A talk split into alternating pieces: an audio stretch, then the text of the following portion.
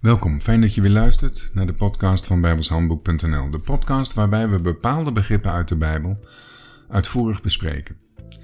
In deze podcast gaan we verder met het begrip hoge priester naar de ordening van Melchizedek. En ik begin met het lezen van Hebreeën 7 vers 11 en 12. Indien dan nu de volkomenheid door het Levitische priesterschap waren, want onder hetzelfde heeft het volk de wet ontvangen, wat nood was het nog dat een ander priester naar de ordening van Melchizedek zou opstaan, en die niet zou gezegd worden te zijn naar de ordening van Aaron. Want het priesterschap verandert zijnde. Zo geschiet er ook noodzakelijk verandering der wet. Het Levitische priesterschap was door de wet van Mozes ingesteld. Dat is het priesterschap naar de ordening van Aaron.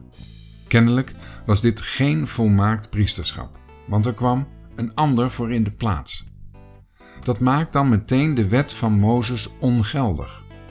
Want anders zit je met twee verschillende wetten en twee verschillende priesterschappen. Waarom kon de Heer Jezus dan geen priester naar de ordening van Aaron zijn?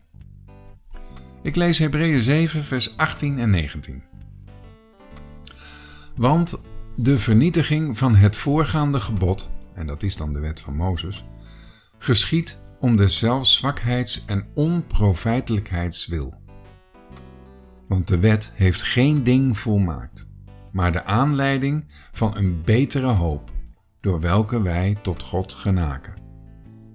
Het priesterschap naar de ordening van Aaron was een zwak priesterschap. Daar had men geen profijt van. Het heeft dan ook niets werkelijk tot stand gebracht, maar omdat het een beeld is van het priesterschap naar de ordening van Melchizedek, had men daardoor hoop dat het ooit nog goed zou komen. Het vervelende was bovendien dat al die hoge priesters onder het oude verbond maar niet konden blijven leven. Ze stierven. En dan moest er weer een ander voor in de plaats komen. Ik lees Hebreeën 7, vers 23, 24, 25 en 26. En gene zijn wel vele priesters geworden, omdat zij door den dood verhinderd werden altijd te blijven. Maar deze, omdat hij in de eeuwigheid blijft, heeft een onvergankelijk priesterschap. Waarom hij ook volkomen kan zalig maken degene die door hem tot God gaan, alzo hij altijd leeft om voor hen te bidden. Want zodanig een hoge priester betaamde ons heilig, onnozel, onbesmet, afgescheiden van de zondaren, en hoger dan de hemelen geworden. Zij hadden een vergankelijk priesterschap, maar Christus heeft een onvergankelijk priesterschap. Hij zal nooit meer sterven. Daarom kan Hij ons volkomen zalig maken. Voorwaarde is dat wij door Hem tot God gaan.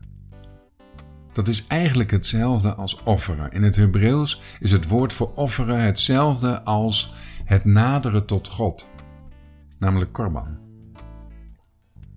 Net als de rook van het verbrande dier tot God nadert, zo naderen wij ook in de geest tot God. De rook is daarmee een beeld van de opstanding uit de doden. Wij zijn dan niet meer vleeselijk, maar geestelijk. Zo naderen wij tot God, niet met onze oude mens, maar met de nieuwe mens, de geestelijke mens. Wij naderen tot de troon der genade, waar Christus is, zittende aan de rechterhand van God. Daar is Hij onze hoge priester. Hij is de middelaar tussen God en de mensen en Hij bidt voor ons. Zo maakt Hij het mogelijk dat wij onze Hemelse Vader kunnen dienen en zo maakt Hij ons zalig.